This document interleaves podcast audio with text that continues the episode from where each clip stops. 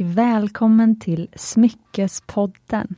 Det här är podden där vi pratar om äkta smycken på ett enkelt sätt och bryter normer som präglat en annars ganska strikt bransch. Och idag tänkte jag just att vi skulle förstå den här branschen lite bättre.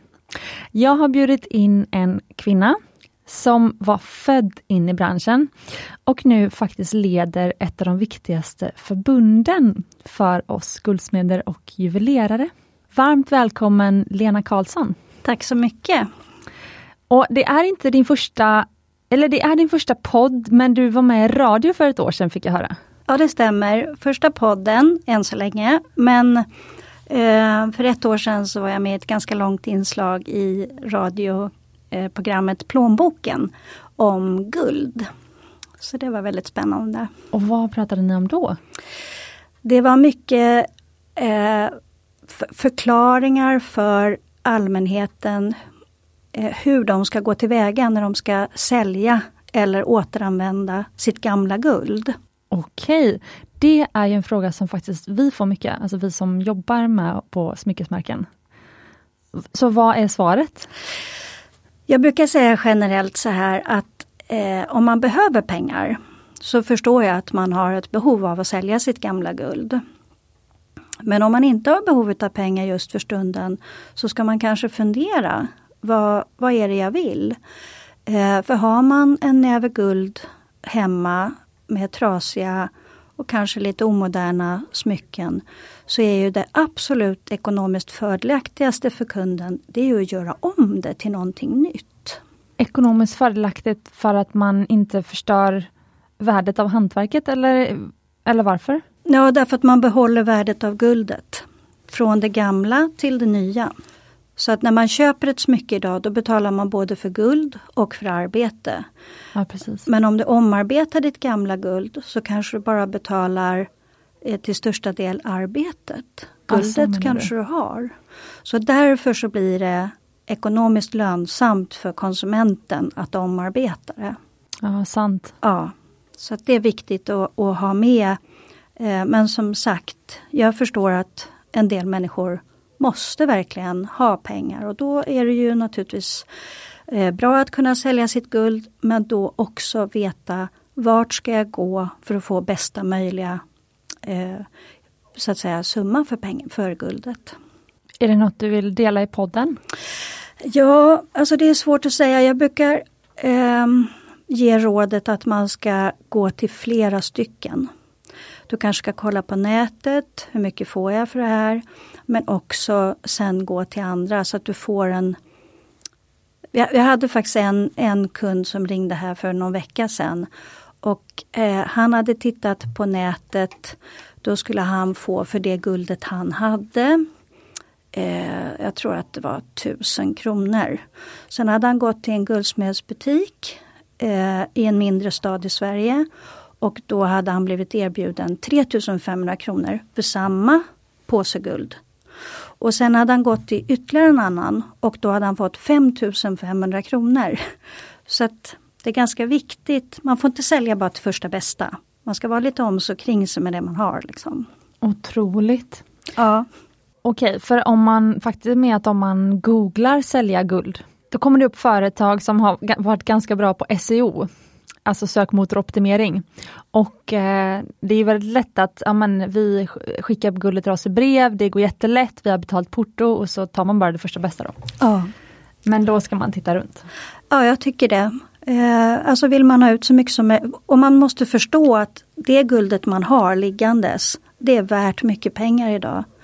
Det, det har gått upp så otroligt mycket så att det kanske är nästan mer värt idag som trasigt och gammalt, som vi säger, skrotguld, än då när man faktiskt köpte det helt nytt. Ja, för att det har gått upp så otroligt det mycket. Det har gått upp så otroligt mycket. Så att det, det är Jag skulle vilja att konsumenterna som ska sälja sitt guld funderar lite. Och det här med eh, att sälja, på en vind, alltså sälja smycken i sin helhet och använda pengarna till ett nytt smycke, vad, vad säger du om det? Ja, det är också ett, ett bra alternativ. För du kanske kan få ännu mer pengar att sälja smycket som begagnat. Och, och, den marknaden har vi bara sett början på just nu. Den kommer explodera med begagnade smycken. Eh, men då kanske man kan få ytterligare lite mera om man säljer hela smycket istället som begagnat. Och så kan man ta de pengarna och köpa ett nytt då så att säga. Men man ska jämföra, man ska inte sälja till första bästa och man ska fundera vad ska jag liksom göra? Vad, vad, är det jag, vad behöver jag göra för att få bästa möjliga utav det här guldet som jag har liggandes? Jättebra tips! Och det var ju en rivstart på det här avsnittet. Vi har inte ens hunnit presentera dig. Så, men eh, berätta, vem är du och vad jobbar du med? Sen tänkte jag att vi kan gå in ännu mer på din bakgrund och så sen, men bara först så vi etablerar för lyssnaren eh, liksom var din kunskap kommer ifrån. Jag är eh, en eh, tjej ifrån Hjorthagen med en pappa som har drivit ett ädelstensliperi i Sverige. Och det startade han 1946. Eh, och, eh, och på den vägen är det. Eh, när jag var liten så kunde jag komma hem med du vet ringar så här man hade köpt i tuggummiautomaten. Ja. Och så kunde jag visa dem för min pappa och fråga så här, är det några diamanter i de här? Ja. Och så, han var alltid väldigt seriös och, och auktoritär. Så tog han de där ringarna, så drog han ner glasögonen på näsan och så tittade han noga. Och så sa han till mig, nej jag är ledsen, det här är bara glas. Oh. så på den vägen har det varit och så har jag fortsatt hela livet i den här branschen. Fantastiskt! Och vi som har lärt oss nu en del om smyckeshistoria här i podden, mycket tack vare avsnittet med Caroline och Victoria. Vi vet ju också att det var på ja, men strax efter andra världskriget på 50-talet som det faktiskt liksom alltså ädelstenar, diamanter och kanske framförallt briljantslipningen diamantsolitärringen slog igenom väldigt mycket bland liksom gemene man.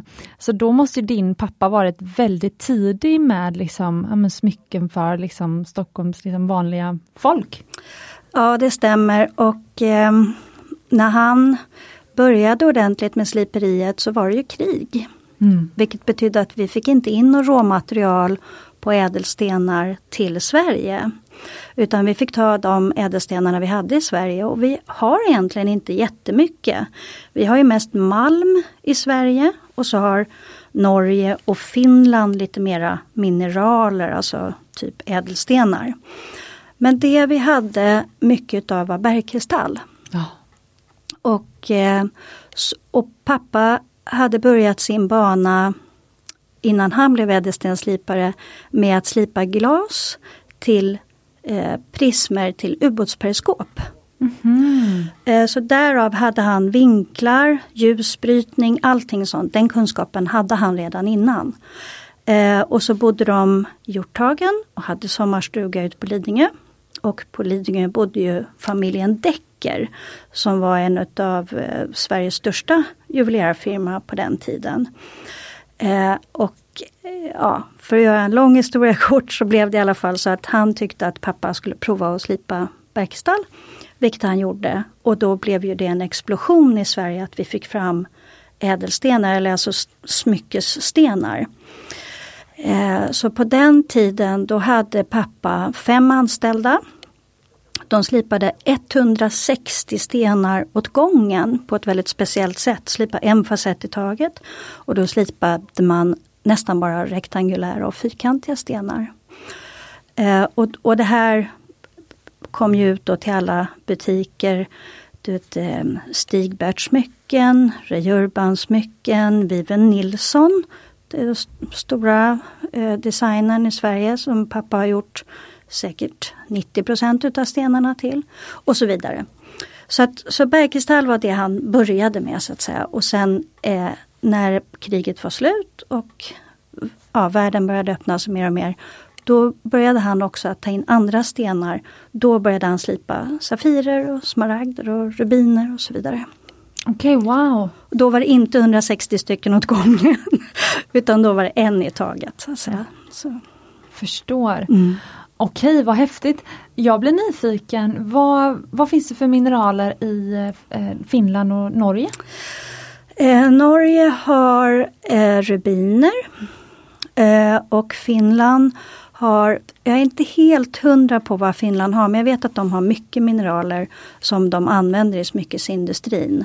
Och Norge har en del mineraler kanske inte helt ädelstenskvalitet. Men ändå mer, mer mineraler än vad vi i Sverige har som har mera malmen så att säga. Okej. Jag har för mig att ädelstensexpert Johannes har sagt att när han var liten och fick upp eh, liksom ögonen för ädelstenar och cykla efter skolan och till ja, någon, någon, gruva eller något liksom stenbrott. Då har jag för mig att han sa att han hittade granater också. Det stämmer, det finns i Sverige. Ah, wow, ja. okej. Okay. Mm. Och då kanske inte heller utav den här absolut toppkvaliteten men fina kristaller. För eh, ett, ett, mineral har ju sin kristallform och där är ju både granaten och diamanten fantastiska för de har ju så tydlig kristallform. Liksom.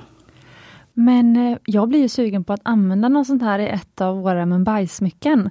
Eh, men var finns det, eller du kanske kan säga det efter programmet då, eller, men ja, eh, om jag vill nu leta efter svenska bergskristaller?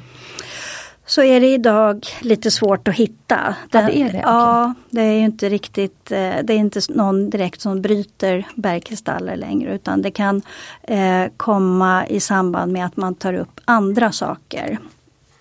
Oftast är de här ädelmetaller och ädelstenar i Sverige, det, det, kommer tack vare någonting annat. så att säga. Det är som guldet i Boliden, det tar man ju fram tack vare att man tar upp andra eh, metaller. Då ja, det blir en guldprodukt. Precis.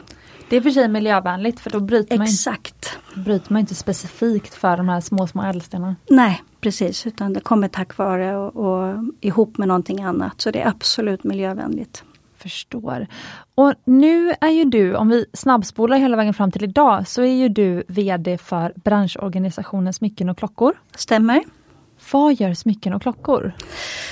Ja, vi försöker att vara en eh, Först och främst försöker vi vara en plattform eh, där branschen kan träffas och eh, diskutera olika saker, ibland problem och ibland nyheter och ja, det som är på tapeten just nu. Eh, sen är vi också en, en branschorganisation som faktiskt är öppen för allmänheten. Eh, så många privatpersoner hör av sig till oss och frågar just det här, jag ska sälja guld, vart ska jag gå, vad ska jag göra? En del frågar, jag ska köpa en vigselring, vad behöver jag tänka på? Eh, ja det kan vara mycket sådana här saker. Jag har köpt smycken utomlands och inte har fått rätt, eh, hittar ingen stämpel, vad ska jag göra? Alltså det är mycket, mycket sådana här frågor som allmänheten kommer med och det försöker vi hjälpa till med så, så mycket vi kan. Så vi står lite på två ben, både för branschen och för allmänheten så att säga. Det är ju fantastiskt, det är de bästa två benen att stå på. Jajamän! Men hur, hur uppstod behovet av den här organisationen? Alltså hur, hur har liksom från 1946 och din pappas företag till, till idag, vad hände däremellan? Ja, egentligen är det ju så att eh, Smycken och klockor i Sverige AB är ett aktiebolag som är ett dotterbolag till vårt moderbolag som heter Sveriges juvelerare och guldsmedsförbund. Och det bildades för över hundra år sedan. Okay. Eh, och i det förbundet så har ju butiker, guldsmedsbutiker och juvelerarbutiker varit anslutna i alla, alla år.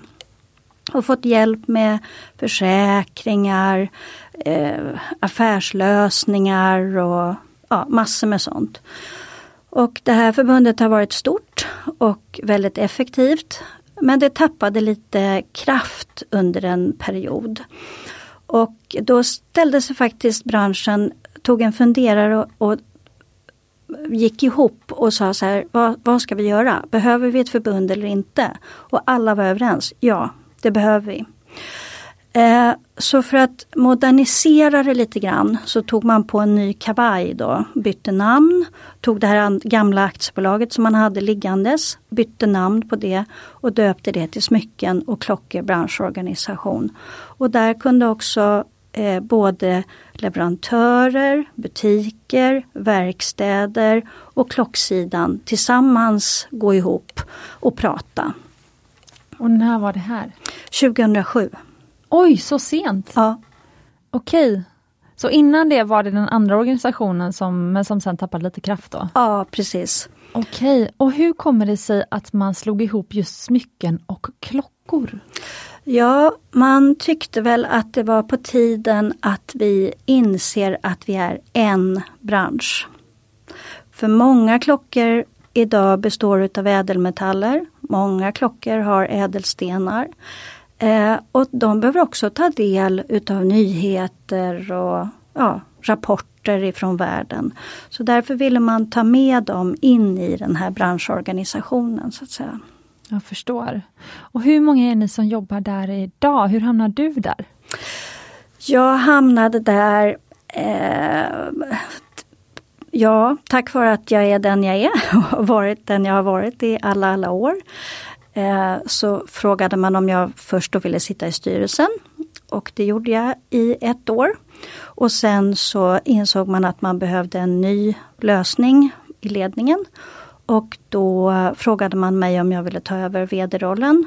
Och, eh, och det sa jag jättegärna. Det varit väldigt spännande och jättestor utmaning att komma från ädelstensslipsverkstan till, till den här. Men det var, samtidigt var det också bra för att de flesta guldsmedsbutiker visste ju vem jag var genom Ädelstenssliperiet. Så att det, var, det har varit väldigt lätt för dem att ringa och fråga. Framförallt nu eh, under pandemin så har det varit ganska tufft för butiker. Och, och som jag brukar säga att det här är faktiskt första gången som jag har uppfattat att guldsmedsbutiker har behövt hjälp. De har varit ganska självgående tidigare och klarat sig och sådär. Men nu var det många som hade frågor hur de skulle göra si, hur de skulle göra så och sådär. Så då har vi, och det tror jag har varit en, en bra grej för mig, att de har vetat vem jag är. Det har liksom inte varit bara någon okänd utan ja men vi ringer till Lena, hon vet. Men vad ger man för affärsråd till liksom butiker som är i kris?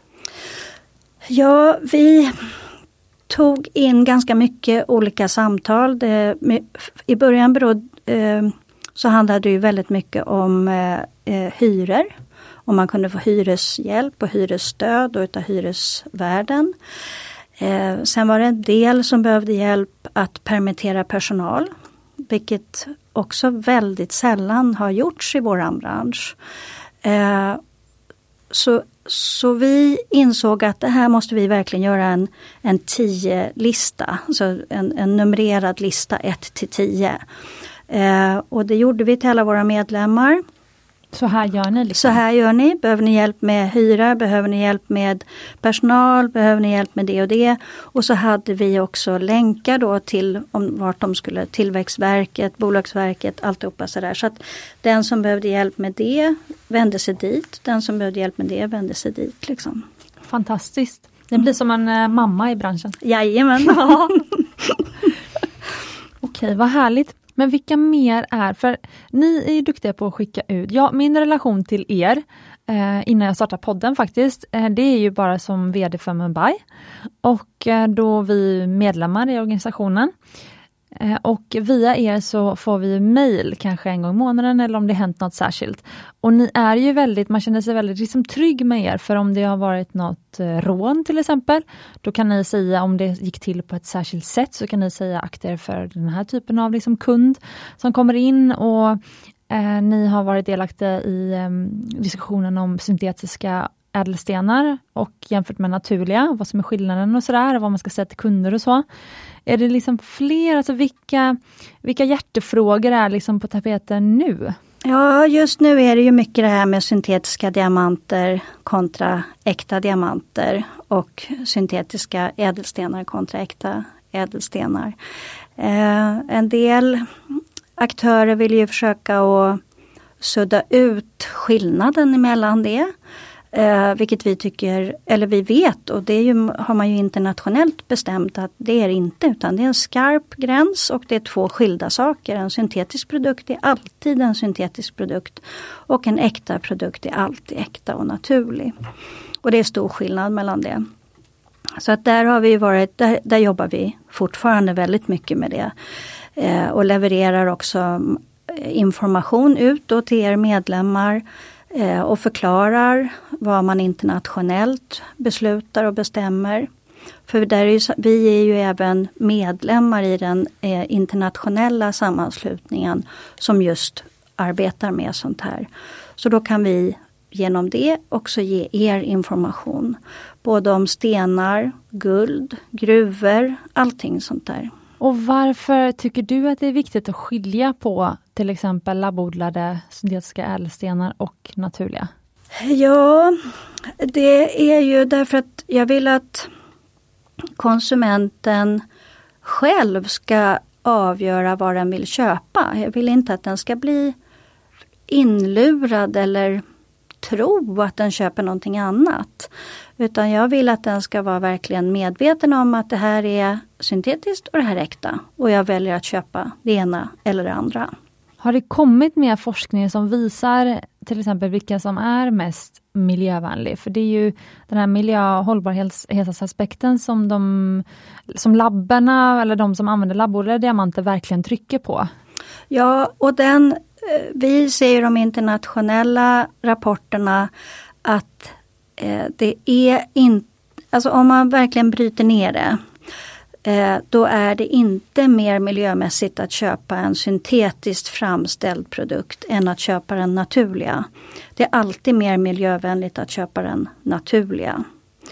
Eh, sen läser man de här rapporterna på lite olika sätt. Man skriver om det lite och så kan det bli på ett annat sätt. Men, men bryter man ner det till punkt och pricka, då är det så att det, det som är naturligt framställt är mer hållbart och miljömässigt bäst. För att det redan finns? Det redan finns och ofta som vi var inne på kommer det som en biprodukt ihop med att man tar upp någonting annat. Det gör ju inte en syntetisk, den kommer ju inte bara för att man gör någonting annat. Utan den, den har man verkligen specifikt gjort här och nu. Sant. Mm.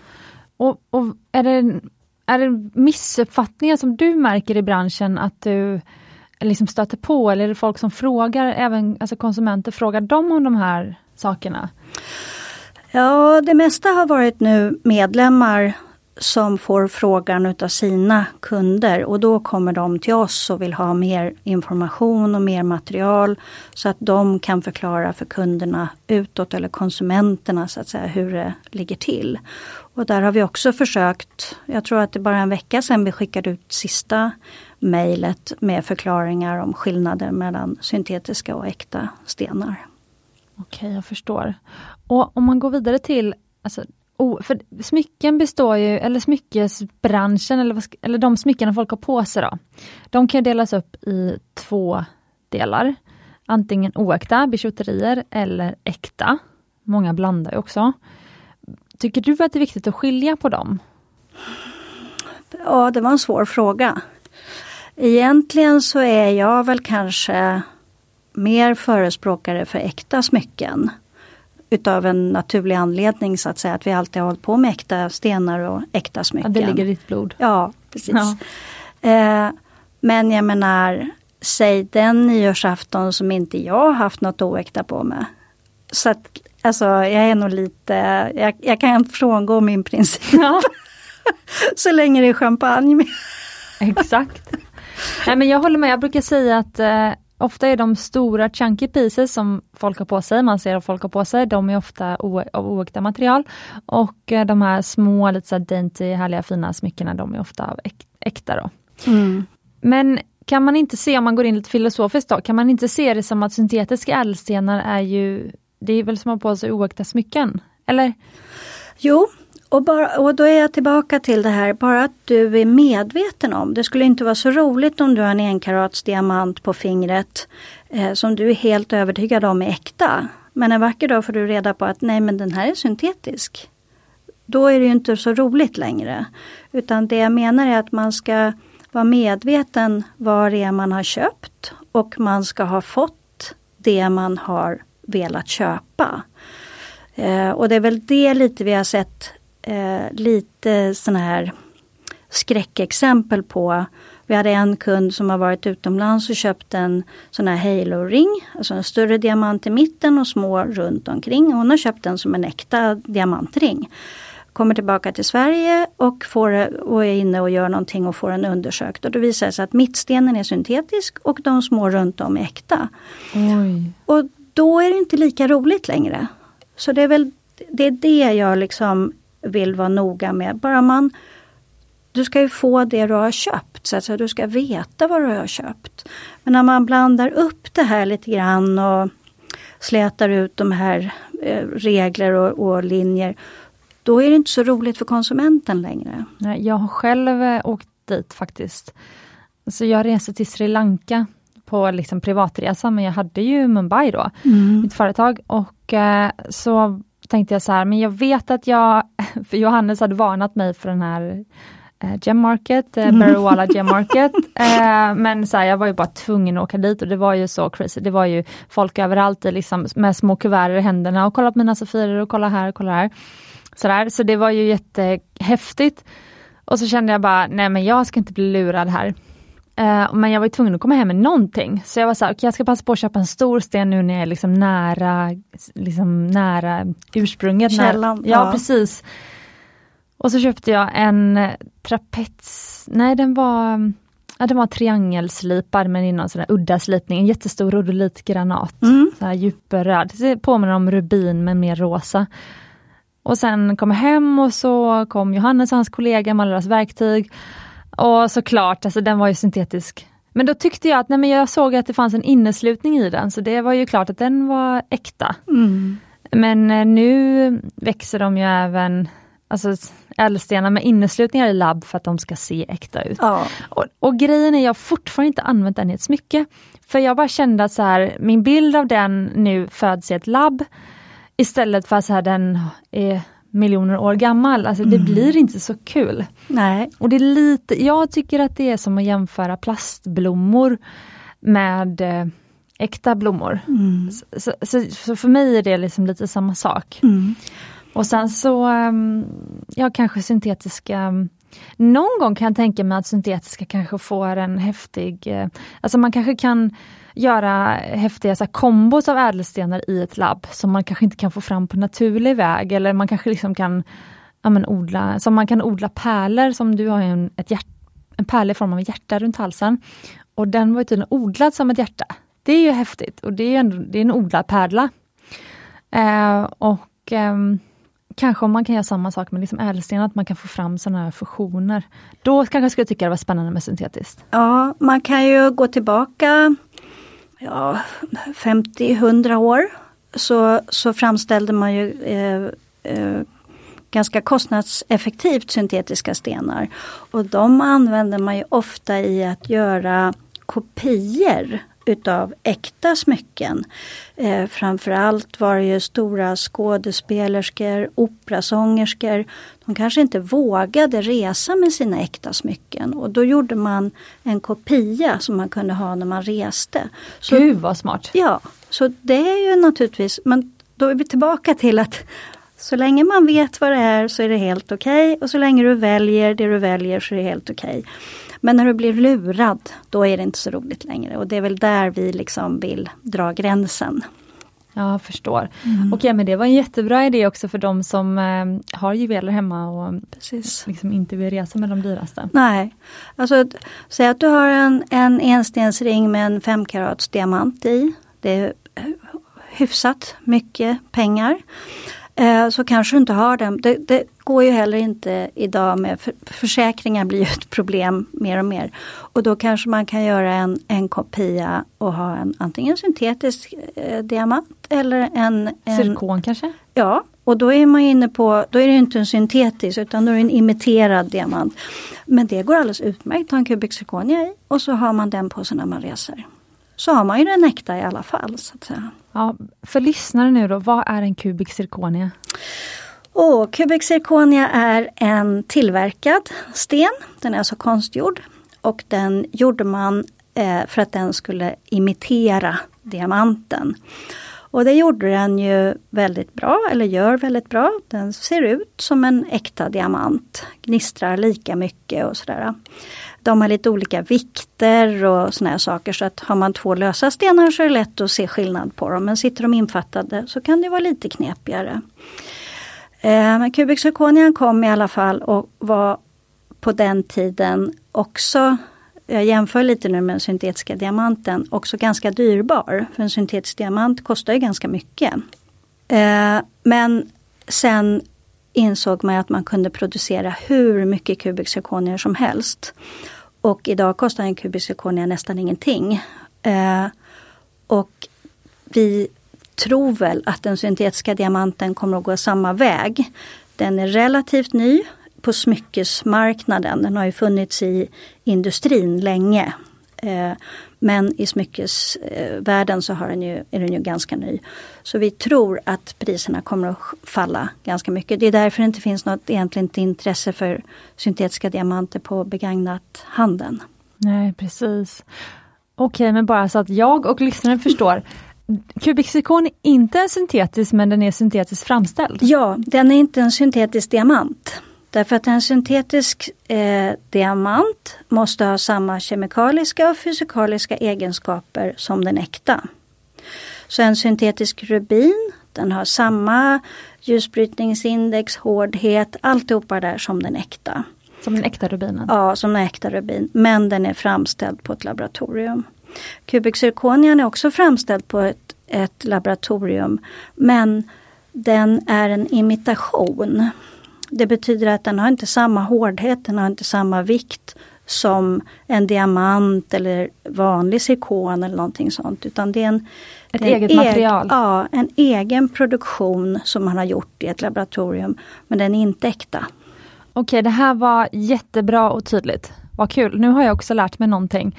Men det betyder också då att, för att det som är det luriga, det som också den här syntetiska diamantindustrin använder som, eller ädelstensindustrin använder som säljargument, är ju att det, den är lika hård, den är lika hållbar och så vidare som en vanlig eh, diamant och, eller rubin och så vidare. Det är därför det blir lite lurigare, liksom, det blir, det blir lurigare liksom att eh, ja, förstå, förstå ja. Precis. Och det är jag helt införstådd med och det är därför ju, ju tydligare vi i, som kan det här är, eh, ju mer kommer konsumenten att förstå och då blir det lättare för dem. Nu är vi i ett, ett begynnelseskede med de här syntetiska diamanterna och de får handelsnamn som, ja, som det här med lab grown och man-made och alltihopa det där. Eh, det, det, är ju, det har man ju det namnet har man ju satt på dem för att det ska låta lite bättre. Liksom. Men det är ju en syntetisk produkt, det är inget konstigare med det. Så att ju tydligare och ju noggrannare vi är, eh, ju lättare kommer det bli för konsumenten att förstå skillnaden. Och då får de välja själva. Jag säger inte att man inte får köpa en syntetisk diamant. Det får man jättegärna göra, men då får man göra det för att man har valt det. så att säga. Precis. Och jag tycker att den bästa förklaringen faktiskt om vad en eh, syntetisk diamant är. Det har faktiskt eh, The Beers dotterbolag, den här Lightbox Jewelry. Jag pratade om dem i ett jättetidigt poddavsnitt. Det är lite kul för att de, The Beers är de som de hade nästan monopol på den naturliga diamantmarknaden alltså under 1800-1900-talet. Och de är fortfarande extremt stora. Och eh, för, som ett svar på det här när det blev trendigt med syntetiska diamanter så startade de ett dotterbolag som fick heta Lightbox Jeweler. Och eh, då skriver de så här på sin hemsida We hacked a billion year process to create high quality sparkle in about two weeks at 800 US dollar a carat. Mm. Så de säljer alla deras enkarat eh, syntetiska diamanter, rosa, blå, vita, till eh, ungefär 8000 kronor i ett färdigt smycke. Mm. Så då har ju de liksom själva skapat en, en produkt till de som inte vill ha deras vanliga produkt. Eller som en kopia. Ja men precis. Mm. Precis, så att eh, jag tycker att det säger väldigt mycket. Precis. och jag menar vi som har varit ute och rest i världen eh, i alla, alla år och eh, tittat på alla dessa fantastiska råstenar eh, som man eh, ibland helt drunknar i mm. Eh, när man ska titta hur hur ska jag göra med den här råstenen för att få, en så, för att få ut en så stor ädelsten som möjligt? Ska jag göra en rund sten? Ska jag göra en fyrkantig? Ska jag kanske göra ett hjärta? Alltså det är sån det är sån process eh, och den är helt, då finns det ingen tid. Det finns ingen tid och ingen rum utan man är bara inne i den här eh, råstenen och ska själv bestämma hur den här råstenen ska bli efter att den kanske är, har bildats för då 100 miljoner år sedan. Wow! Ja, du gjorde det i din roll när du jobbade i pappas bolag? Ja. Var du VD då eller vad var du där? Nej, jag bara jobbade. Ja, du var allt. vi hade inga sådana roller. Nej, perfekt, okej vad härligt. Men det här måste vi prata om. Hur, hur tittar du då på en sten, en råsten, för att liksom se hur den ska slipas? Ja, först och främst så vi har ju jobbat med färgstenar säger jag, alltså rubiner, smaragder och, och safirer och ametister och citriner och alltihopa där. Så då vill man ju se hur ligger färgen i den här råstenen? Hur ska jag, hur ska jag vrida den här råstenen så att färgen blir som bäst. Och hur är färgen som bäst? Ja det vet man inte, det är, det är individuellt på varje råsten. Okay. Alla råstenar ser olika ut.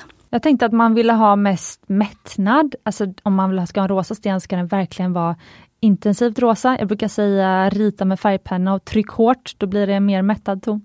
Jo det är helt rätt. okay. mm. Men, men eh, om jag har 100 råstenar eh, ut, utav ametist som är lila så kan ju de skilja allt ifrån eh, lila lila till brunlila eller lite gullila eller ljuslila. Ja, nyansen är olika. Ja, så att eh, därför så måste jag då ta en råsten, vrida på den och se vart, vart, är det, vart blir det finast någonstans när jag håller den här råstenen. Och när jag hittat det läget, att jag får bäst färg, då vill jag också se vart ligger alla inneslutningar. Vilka inneslutningar måste jag ta bort? Vilka inneslutningar kanske jag kan ha kvar utan att de syns när den är slipad sen. Eh, och sen utifrån det går man vidare. Och det här är så fantastiskt så det är därför jag säger det, då finns ingen tid och rum. Då är det liksom bara jag och den här ädelstenen som, liksom, som jag har ett ansvar att jag ska göra den så vacker som möjligt. Wow! Men hur, alltså vi, alla som har sett en råsten vet jag att de typ ser ut som grumliga stenar. Ja. Hur ser du Alltså hur ser du sparklet i det? Ja, det är själva briljansen som du kallar sparklet i en sten. Det ser man ju egentligen inte riktigt förrän den är färdigslipad. Eh, så om man till exempel tar en eh, rubin då, då, är det här, då är det färgen som är absolut det viktigaste och så renheten. Sen slipar man den här rubinen en gång och så ser man och sen kanske man slipar om den igen. Och så kanske man slipar om den igen och så kanske man slipar om den mm. igen. Och då är det så lite små justeringar man gör men man får den bättre och bättre och bättre. Så första gången man slipar den kanske den inte blir perfekt utan det kommer det kommer med tiden då när man har slipat som man ser att ja, men här behöver jag ändra lite, här behöver jag andra vinklar, här behöver jag liksom göra den tunnare eller ja och så vidare och så vidare. Och då får man den perfekt. Men hur mycket funderar man på den som ska bära smycket sen eller liksom köpa stenen och sätta i ett smycke? För att i den konstnärliga processen då vill man ju vara totalt kreativ. Men sen tyvärr så måste man ju få betalt för sin kreativitet och eh, då vet man, inom citattecken nu då, jag håller upp mina fingrar, men att till exempel runda stenar säljer bäst. Nu då Briljanter. Ja, briljanter. Ja. Eh, eller portugisslipning då om det är färgädelsten. Kanske inte, ja, typ morganiter och sånt slipar så kanske por, eh, portugisslipning istället för briljantslipning. Men de ser nästan likadana ut. Eh, men hur Eh, för nu talar jag utifrån att jag vet att på eget varumärke så säljer runda stenar bäst. Men, men jag kan tänka mig att ni också hade några former som sålde bäst och så hittar du någon sten och ska du då avväga mellan att jag vet att den här blir snyggast fyrkantig men vi behöver slipa den rund kanske? Eller fanns det sådana situationer? Um, ja, nu hade ju vi en fördel att vi oftast bestämde ihop med råstenen vad som skulle bli bäst för den. Eh, och sen hade vi kanske tur att ha många råstenar och många slipade stenar. Så att var det någon som verkligen ville ha en rund, ja då kanske fanns runda också. Där råstenen hade passat för runt. Men man kan till exempel säga om en Safir. Safiren som råsten ser ju egentligen ut som en tunna så här. Mm -hmm eh, lite, lite bullig tunna kan man enkelt uttrycka det som. Och då är det så att i de bästa av världar så blir ju den, om man ska ta hand om så mycket material, vara rädd om så mycket material som möjligt. För, för varje hundradels karat så försvinner det ju pengar. Mm, ja det med, just det. Precis, så man vill behålla så mycket som möjligt material. Eh, och då kanske passar bäst att göra ovalt. Därför är många Safirer ovala. För att råstenen har varit mest lämpade som eh, en diamant har ju sin kristallform som är, är fyrkantig kan man säga. Den är som en dubbelpyramid. Eh, och, och därför har den varit eh, mest lämpad att, att göra fyrkantig eller rund. Så att det har, det har varit lite olika.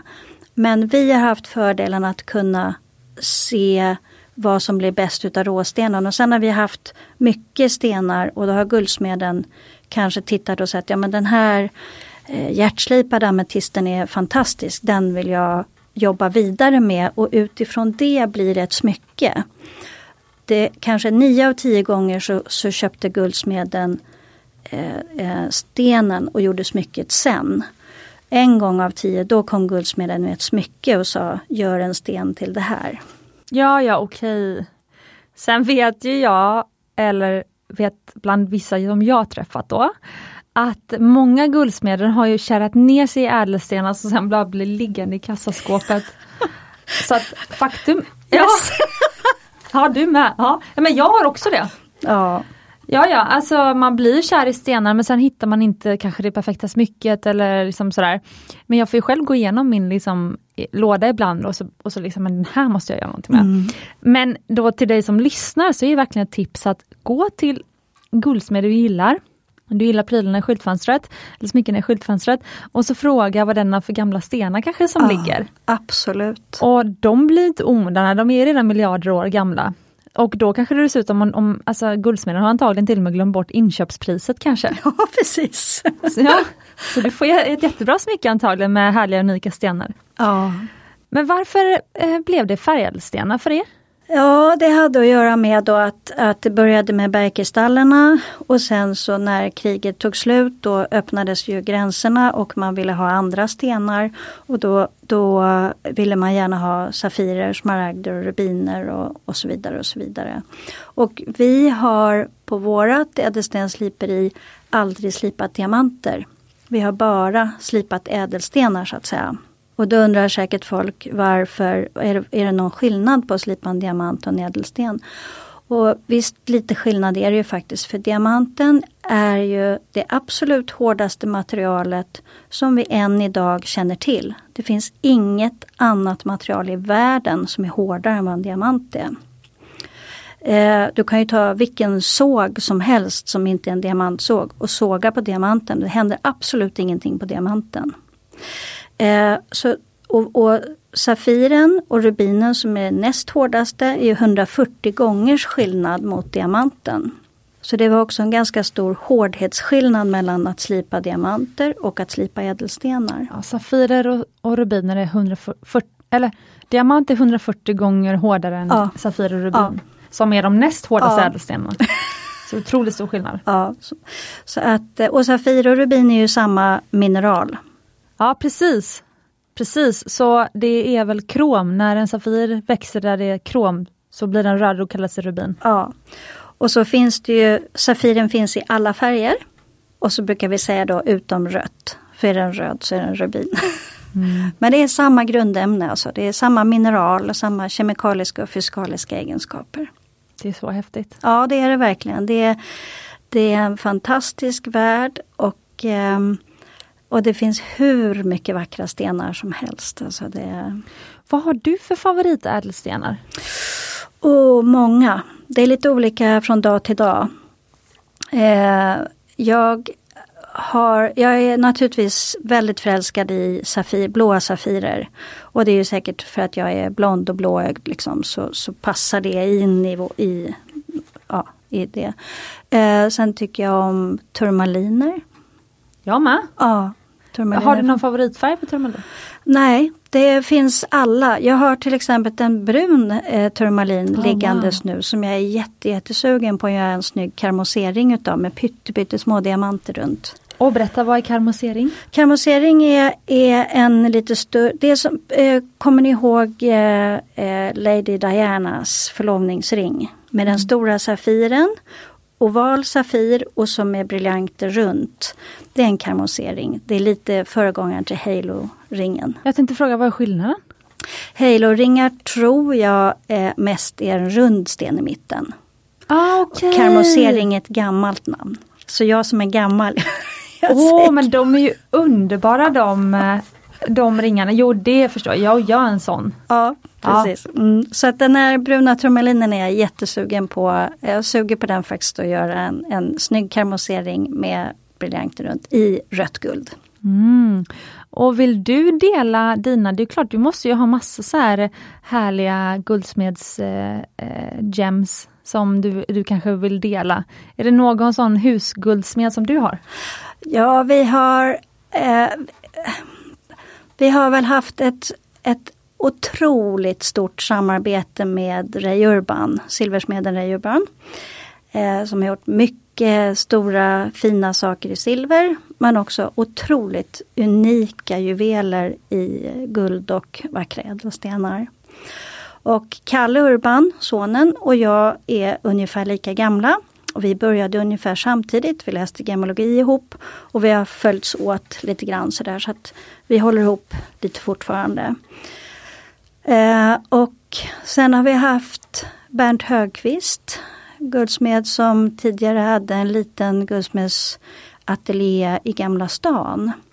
Det är också han, du får förklara sen och visa bilder, men det är också han som har gjort infattningen till mitt hjärta som består av en stor pärla. Ah, wow! Eh, så att, ja, så vi har haft några sådär men Ray Urban har väl varit väldigt, har vi varit väldigt tajta med. Levererat mycket stenar till. Eh, och så Bernt Högqvist har ju också gjort otroligt mycket av våra ädelstenar. Ja, berätta, vad har du på dig för smycken idag? Idag har jag på mig en eh, alliansring som består av rött guld, 18 karat. Där det sitter lite större diamanter eh, med ett jämnt avstånd hela varvet runt om. Och på kanten så sitter det små diamanter hela varvet. Och till den så har jag en som vi kallar helallians. Det betyder att det sitter diamanter tätt, tätt, tätt, tätt hela varvet runt. Så den är, är diamanter också, hur man än håller den så syns de. Min pappa han var alltid lite avundsjuk på tjejerna som hade hela allianser för när de fick tillbaka växelpengar så syntes fortfarande Ja, precis. det var inte så passande för män att ha hela. Nej.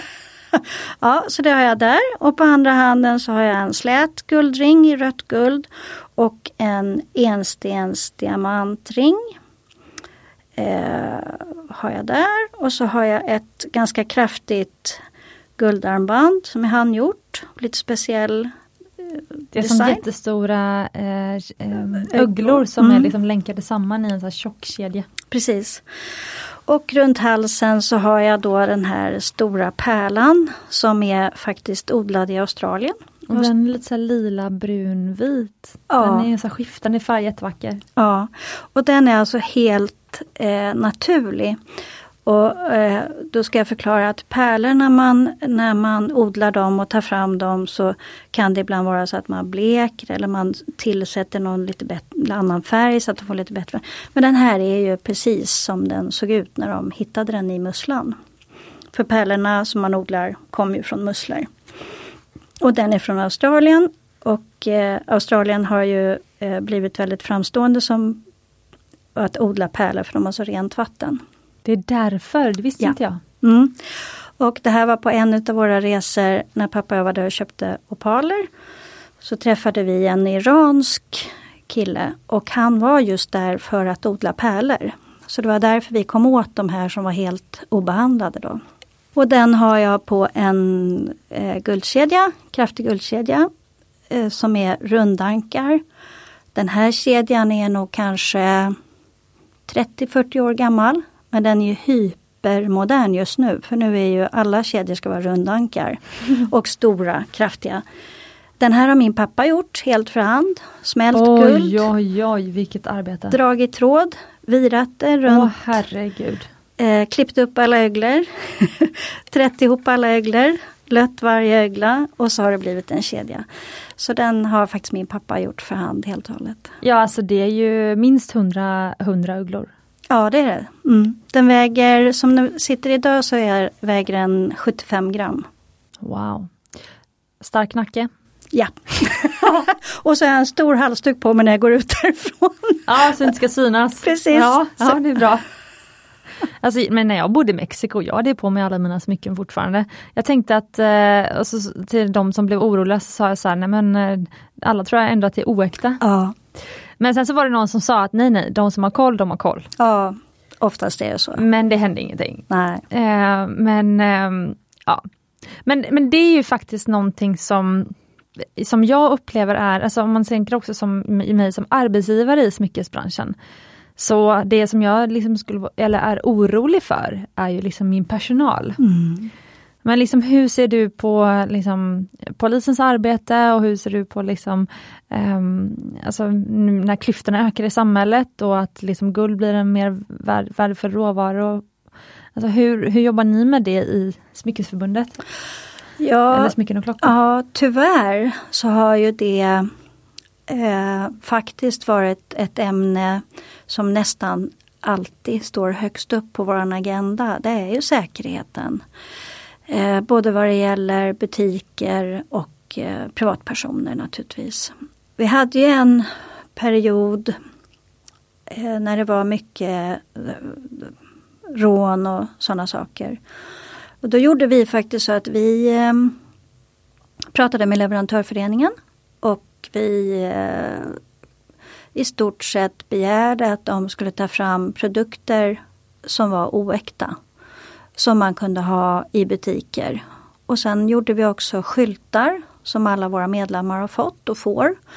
Eh, där man tydligt kan tala om att i den här butiken så jobbar vi mest med, med eh, så att säga förgyllt och oäkta eh, för, för rånrisken så att säga. Så man plockade bort det äkta och sen så hade man mycket i skyltfönstret och så som, som jag menar guldkedjor och så kan du ha förgyllt, det ser likadant ut. Eh, och, eh, och samma förlovningsringar har ju också sedan många år tillbaka eh, görs ju idag i, i eh, oäkta för att man ska Till kunna... exempel Cubics Rikon? Ja precis. Och även själva guldet eh, så är det kanske förgyllt silver då i, i ringarna. Och det där blev, var faktiskt ganska bra för att ehm, eh, Bosse Bus då upptäckte ju rätt snabbt att eh, de här ringarna som han tog som han trodde var äkta var ju liksom, han fick inte en krona för det. Eh, och det kostade ju butiken väldigt lite att återskaffa de här oäkta ringarna då som man hade som provringar. så att säga. Så att, och där är vi väl fortfarande idag att man eh, jobbar mycket på det viset så att säga. Att man, man eh, har en, en, en, en hög eh, säkerhet och man tänker mycket på det så att säga. Det är ju supersmart faktiskt och det går ju eftersom att nästan alla äkta guldsmedsvaror är ju made to order. Ah. Så man, man kommer ändå inte ut med det liksom från butiken utan man får vänta några veckor på att det ska göras och då funkar Ja. ju det att ha liksom visningsex i oäkta. Ja, precis. Supersmart. Mm. Så att, och så, och, ja, så att det, det, men som sagt eh, säkerhet det, det är nästan alltid högst upp på vår agenda när vi har möten och sådana saker. Och vi har haft stormöten med hela branschen där vi liksom har satt oss, vi har bjudit in polisen, vi har liksom haft stora diskussioner om det här. Vad kan ni göra och vad händer och vart tar, vart tar guldet vägen och så vidare. och så vidare så att säga. Vart tar guldet vägen, det som stjäls? Ja, eh, en del stoppas i vadderade påsar och skickas utomlands, Ja. vind för våg. Eh, och en del smälts ner på olika ställen eh, och blir stora klumpar. Och eh, oftast är det ju så att är det så att det är äkta ädelstenar så är det sällan de har någon betydelse. De, de kanske bara hamnar i en sopkorg någonstans. Ja. Så att men eh, Nej men jag tycker att det, det är, är Det finns mycket resurser idag och, och som sagt just det här med att det har varit så mycket ja, prover som man har och, och visar så har det liksom inte varit så intressant liksom att ta längre. Jag tycker det är supersmart. Ja, vi måste ju göra så så att säga. Det är ju, det är ju... Och som du säger, det är många eller mycket av de produkterna som tillverkas i en guldsmedsbutik, det är precis som du säger, det, det är leveranstid på ett visst antal veckor eller månader. Eh, och, och de kanske inte är just där, de sätts ihop, de är liksom olika delar, det finns inget, inget värde på så sätt ännu förrän det är ett färdigt smycke. Nej, precis. Ja, viktigt ämne. Jag vill ju passa på att prata lite grann om det du och jag pratade om när mikrofonerna var av. Då pratade vi lite om det, eller du kallade det för det gamla gardet och det nya gardet i branschen. Lite granna guldsmederna gentemot företagarna. Vad menar du med det? Jo, jag då som är så otroligt gammal och har varit med så länge. Nej men för, för mig så har det alltid varit så att det som jag kallar det gamla gardet och det är bara jag som kallar det för det. Det är ju de gamla guldsmederna, guldsmedsverkstäderna. Eh, som, som jobbar själva och gör mycket själva och så vidare. Eh, och sen så idag är det ju många juvelerare som startar företag som kanske inte är guldsmeder utan de är affärsmän så att säga helt enkelt. Eh, och, och, och då blir det ju två olika yrkesmän egentligen så att säga. En affärsman och en hantverkare. Så det är väl det som, som är lite tydligare idag så att säga att det är, det är uppdelat på ett annat sätt. Och finns det några som du tycker, eller vad har guldsmederna till sin fördel och vad har de här ja, som bara ger sig in i branschen till sin fördel? Åh, det här är svårt att svara på. Eh, nej men hantverkaren har ju sin natur, alltså har ju sin skicklighet, det kan vi inte komma ifrån. Den kan ju om, om du kommer in som konsument och vill ha ett hängsmycke så kan ju naturligtvis guldsmeden säga så här, nej men vi, vi ska göra på det här sättet istället för det hänger bättre, det slits mindre. Eh, du, du, stenen kommer att komma fram bättre. Vilket affärsmannen kanske inte har i sin kunskap. Eh, men affärsmannen kanske har ett sätt att räkna 1 plus 1 till 3 som inte hantverkaren har så att säga. Så det är väl två eh, stora skillnader men, men eh, eh, guldsmeden han, han kan ju han kan ju yrket och det får man aldrig, aldrig ta bort. Liksom, för att annars kanske vi gör en, en ring som är jätte, jättesnygg men den höll bara i typ en månad. Sen började stenarna ramla ut. Och det kanske kommer ifrån affärsmannen. Men en sån ring skulle aldrig en guldsmed liksom rekommendera dig att göra. För guldsmeden vet att den här håller bara ett visst antal månader, sen får du komma tillbaka. Liksom. Och då brukar guldsmeden också säga att det är ingen idé vi gör. Utan det, då får du tänka om. Liksom. Så, att, så där är väl kunskapen om yrket, att det har, det har guldsmeden. Så att säga. Jag tänker, för jag misstänker att du brinner för att liksom sprida äkta smyckesbranschen och liksom att den branschen ska bli större. Eller? Absolut. Ja. Mm. Då tänker jag att den här företagaren eller slash marknadsföraren, säljaren, har ju en viktig roll i det. Mm. Hur ser du på det? Jo, och det är helt rätt. Eh, och jag tycker att man borde kunna sammanföra det här. Man behöver liksom inte, den ena behöver inte förta den andra. Eh, alltså affärsmannen kan ju det här som du säger marknadsföra och eh, kanske kommer på nya sätt att leverera, kommer på nya sätt att paketera det. Medan guldsmeden då har sitt, sitt yrkeskunnande. Och det vore väl en dröm att det här liksom gick att sammanföra. Då fick ju konsumenten eh, praktiska, snygga, hållbara smycken. Eh, och det paketeras och levereras på ett bra sätt. För jag kommer ihåg när jag började, då kom ju jag från, alltså jag pluggade ju fortfarande, men pluggar ju företagande ekonomi. Mm. Och så blev jag helt kär i det här hantverket, alltså i guldsmedjan där jag fick börja som lärling. Och så kände jag så här, men jag ville bli guldsmed, nu vill jag bli duktig på det här. Och sen så hade jag ju såklart ett annat jobb vid sidan av. För ja, att starta företag, det tar ju några år innan man kan leva på det. Och sen så började jag räkna baklänges. Hur ska jag göra om jag ska kunna leva på smyckena? Hur många smycken behöver jag sälja per månad om jag ens ska kunna betala min hyra? Och så bara, ja men herregud, jag måste ju sälja massa smycken. Hur ska det gå till? Jag hinner inte göra smycken, jag måste marknadsföra. Så fick jag ju släppa min stolthet och liksom, jag blev ingen guldsmed. Men det var viktigare för mig att liksom jobba med hantverkare och att liksom ändå få, att Mumbai skulle få leva, det blev viktigare än att jag nödvändigtvis skulle vara guldsmed. Liksom.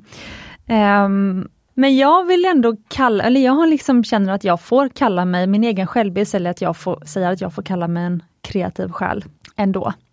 Och ändå vara duktig på att, um, på att sälja också, eller liksom ha liksom två, två roller sådär. Men um, ja, Ja, men då står ju du lite också på två ben. Du kanske har en del av det här hantverkskunnandet och sen så har du även den här affärsmannamässiga delen också så att säga. Framför allt så för de samarbeten som har funkat bäst Alltså jag älskar mina guldsmeder som har lärt mig så mycket och som till exempel Lamja som varit med här i podden och även Johanna som också varit med i podden. Alltså de två har ju lärt mig så mycket på två så olika sätt men det känns som att de har varit som mina systrar eller mammor eller något sånt där som liksom har men särskilt Lamja var ju så här, nej men Cecilia, nu vill du göra en för tunn ring, det kommer inte gå. Alltså hon har verkligen varit sådär, där Ehm, det var liksom senare när jag skulle göra ännu mer komplicerade modeller. Och sen så får jag komma ihåg, jag försökte samarbeta med lite yngre eh, guldsmed som var kille. Han hade tagit över efter sin pappa som var guldsmed i massa år. Och han tyckte nog att jag var en riktig sprätt alltså. Och han bara, nej jag gjorde bara som du sa och jag bara, men du får ju säga om det var fel tänkt. Nej du sa att jag skulle göra så. Alltså han ville, så det gick ju, vi fortsatte såklart inte samarbeta. Men liksom, ja det handlar verkligen om samarbete. Ja, och sen också att man kan hjälpas åt. För, för så där har jag också haft det när jag har slipat stenar med guldsmeden så kan jag ju kanske mer om medelstenslipningen än om guldsmidet. Och då kan ju de komma så där så kan de säga så här, men du får slipa en sten som ser ut så här och så här. Ja men det går verkligen inte. Ja, jo precis. det går visst. Liksom. Nej tyvärr det går verkligen inte. Så att är, man måste ju respektera varandras områden också som man kan. Och också dela med sig av det. Alltså som du säger, dina två erfarenheter där är ganska olika. Liksom. En som bara gör vad du säger men så funkar det inte. Men, men, det är ju inte bra heller, då blir det ju ingen fortsättning. Och det är väl samma sak om en konsument går in till en guldsmed och beställer en ring och guldsmeden bara gör det rakt upp och ner och sen så blir det inte bra, då kommer ju inte kunden tillbaka. Och det är bättre då att man eh, utbyter de här erfarenheterna. Kunden säger vad de vill ha och, och guldsmeden förklarar att så här och så här går att göra, så här och så här går det inte att göra. Och så blir det bra till slut. Liksom. Precis. Men sen tänker jag faktiskt, det är inte helt ovanligt heller som, som du och din pappas relationer med att liksom eh, pappan eller föräldrarna var hantverkare och sen så har liksom den yngre tagit det vidare. Även Ribbhagen, mm. alltså Kurt var väl guldsmed och han blev känd för det och sen så nu har Janne, han har ju, det är en hel liksom, antikvitetsfirma. Så, och han är ju världens säljare liksom. Exakt. Eh, så, så, så, att jag kan tänka att det finns ju en roll för alla också. Ja, det gör det och, och det tror jag också det här som du säger, jag menar vissa lite större juvelerarfirmor, där har man kanske haft både hantverkaren och säljaren i familjen och då är Precis. det liksom eh, Golden Cross eller vad säger man? Precis. Sen har vi de som till exempel Michael O'Dwyer som är lite yngre men han är ju både hantverkare och en jäkel på att sälja. Ja, Så det finns ju de som också har liksom båda. Så. precis. Ja. Min pappa han sa alltid så att antingen är man hantverkare eller så är man affärsman. Mhm. Eh, och, och det där förstod aldrig jag riktigt för att jag tyckte ändå att jag var, var ganska mycket hantverkare. För han, sa, han tyckte att jag var mer affärsman. Och då sa jag, "Nej, men jag tycker liksom ändå att jag är jättemycket hantverkare och sådär. Men, Ja, som jag tyckte att jag var. Ja, precis. Så att, men men eh, han hade också, han var ju hopplös eh, därför att han ville inte sälja några stenar. Han höll i alla sina stenar och det skojade alltid guldsmederna om och sa att nu har vi varit hos Gösta och den där rubinen den sa han att nej den säljer jag inte för pengar så då köpte jag den. Så då visste de att det var en fin sten. Ah, då var han kanske säljare. Ja, kanske. Trots allt. Men jag vet att det är många aspirerande smyckesdesigners, guldsmeder, silver, sådana som gått silversmideskurser och sådär, som lyssnar på podden. Mm. Vad har du för tips till dem som liksom är på väg in i branschen och kanske just nu inte har det som levebröd men de vill inget hellre? Eh, ja, det är svårt att ha tips men eh, alltså om man vill jobba med det här så ska man fortsätta göra det. Och, och vill man utveckla sin hantverksskicklighet så, så finns det ju både guldsmedsskolor och så vidare och, och gå vidare inom. Eh, och sen till en början får man kanske acceptera att man måste ha ett annat jobb för att finansiera också så att säga. Jag menar när jag började som lärling hos min pappa då gick jag och städade. Eh, och för att liksom ha råd att lära mig yrket så att säga. Så att, och det tror jag nog att man får, får kanske acceptera att, att är det här drömyrket så, så är det, det, det är en liten bit att ta sig fram. Eh, men eh, absolut, alltså det finns ju inget bättre jobb. Nej. Nej. Ordnar ni kurser på smycken och klockor? Ja, vi har haft eh, smycken, eh, vi har haft kurser för eh, värderingar. Och så har vi haft kurser för ädelstenar.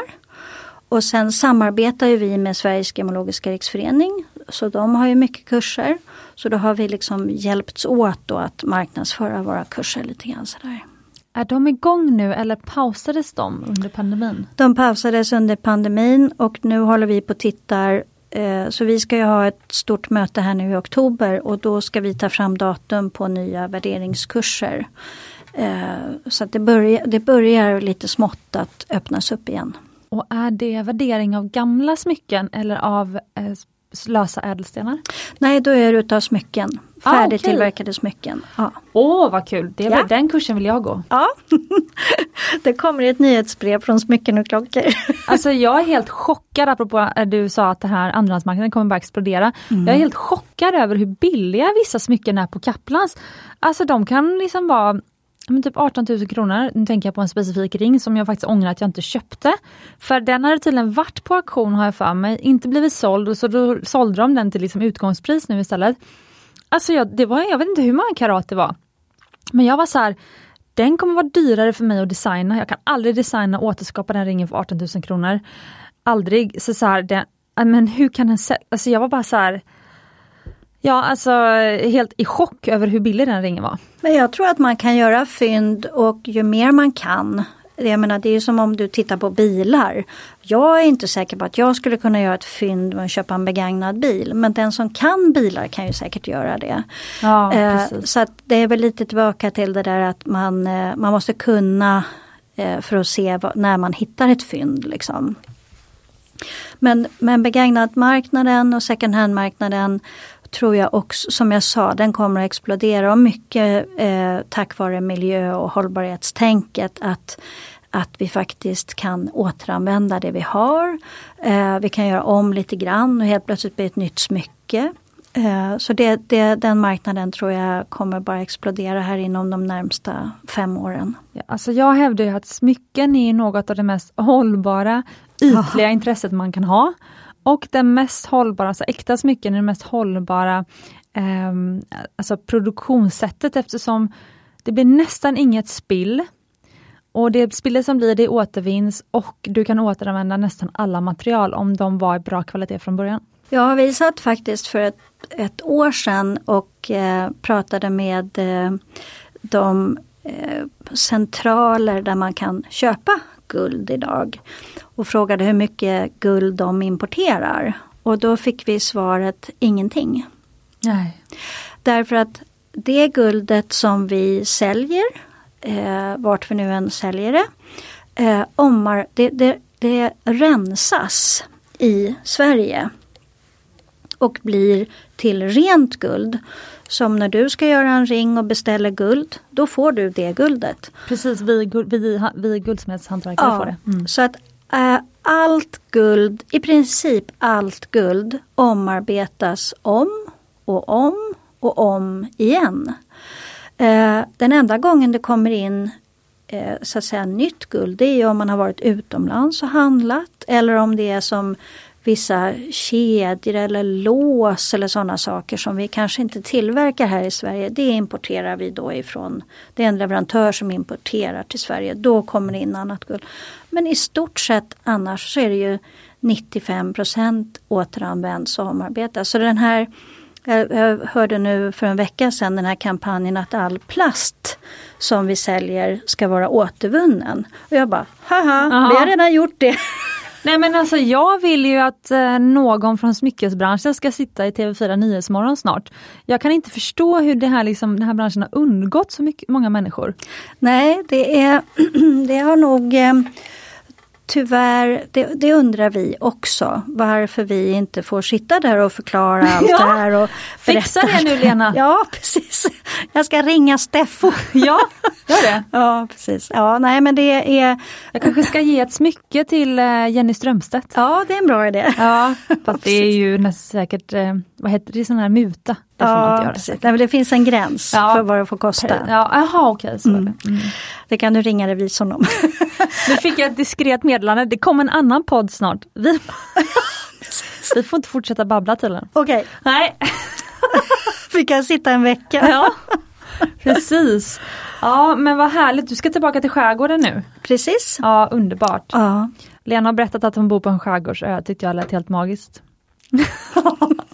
Ja det är verkligen livskvalitet. Det är ja. verkligen livskvalitet. Härligt. Ja, nej, men det var superkul att du kom hit. Tack så mycket. Jag. Och har du något sista ord du vill säga till lyssnaren? Ja, alltså allt de undrar eh, finns nästan svaret på på vår hemsida eh, smycken och klockor.se.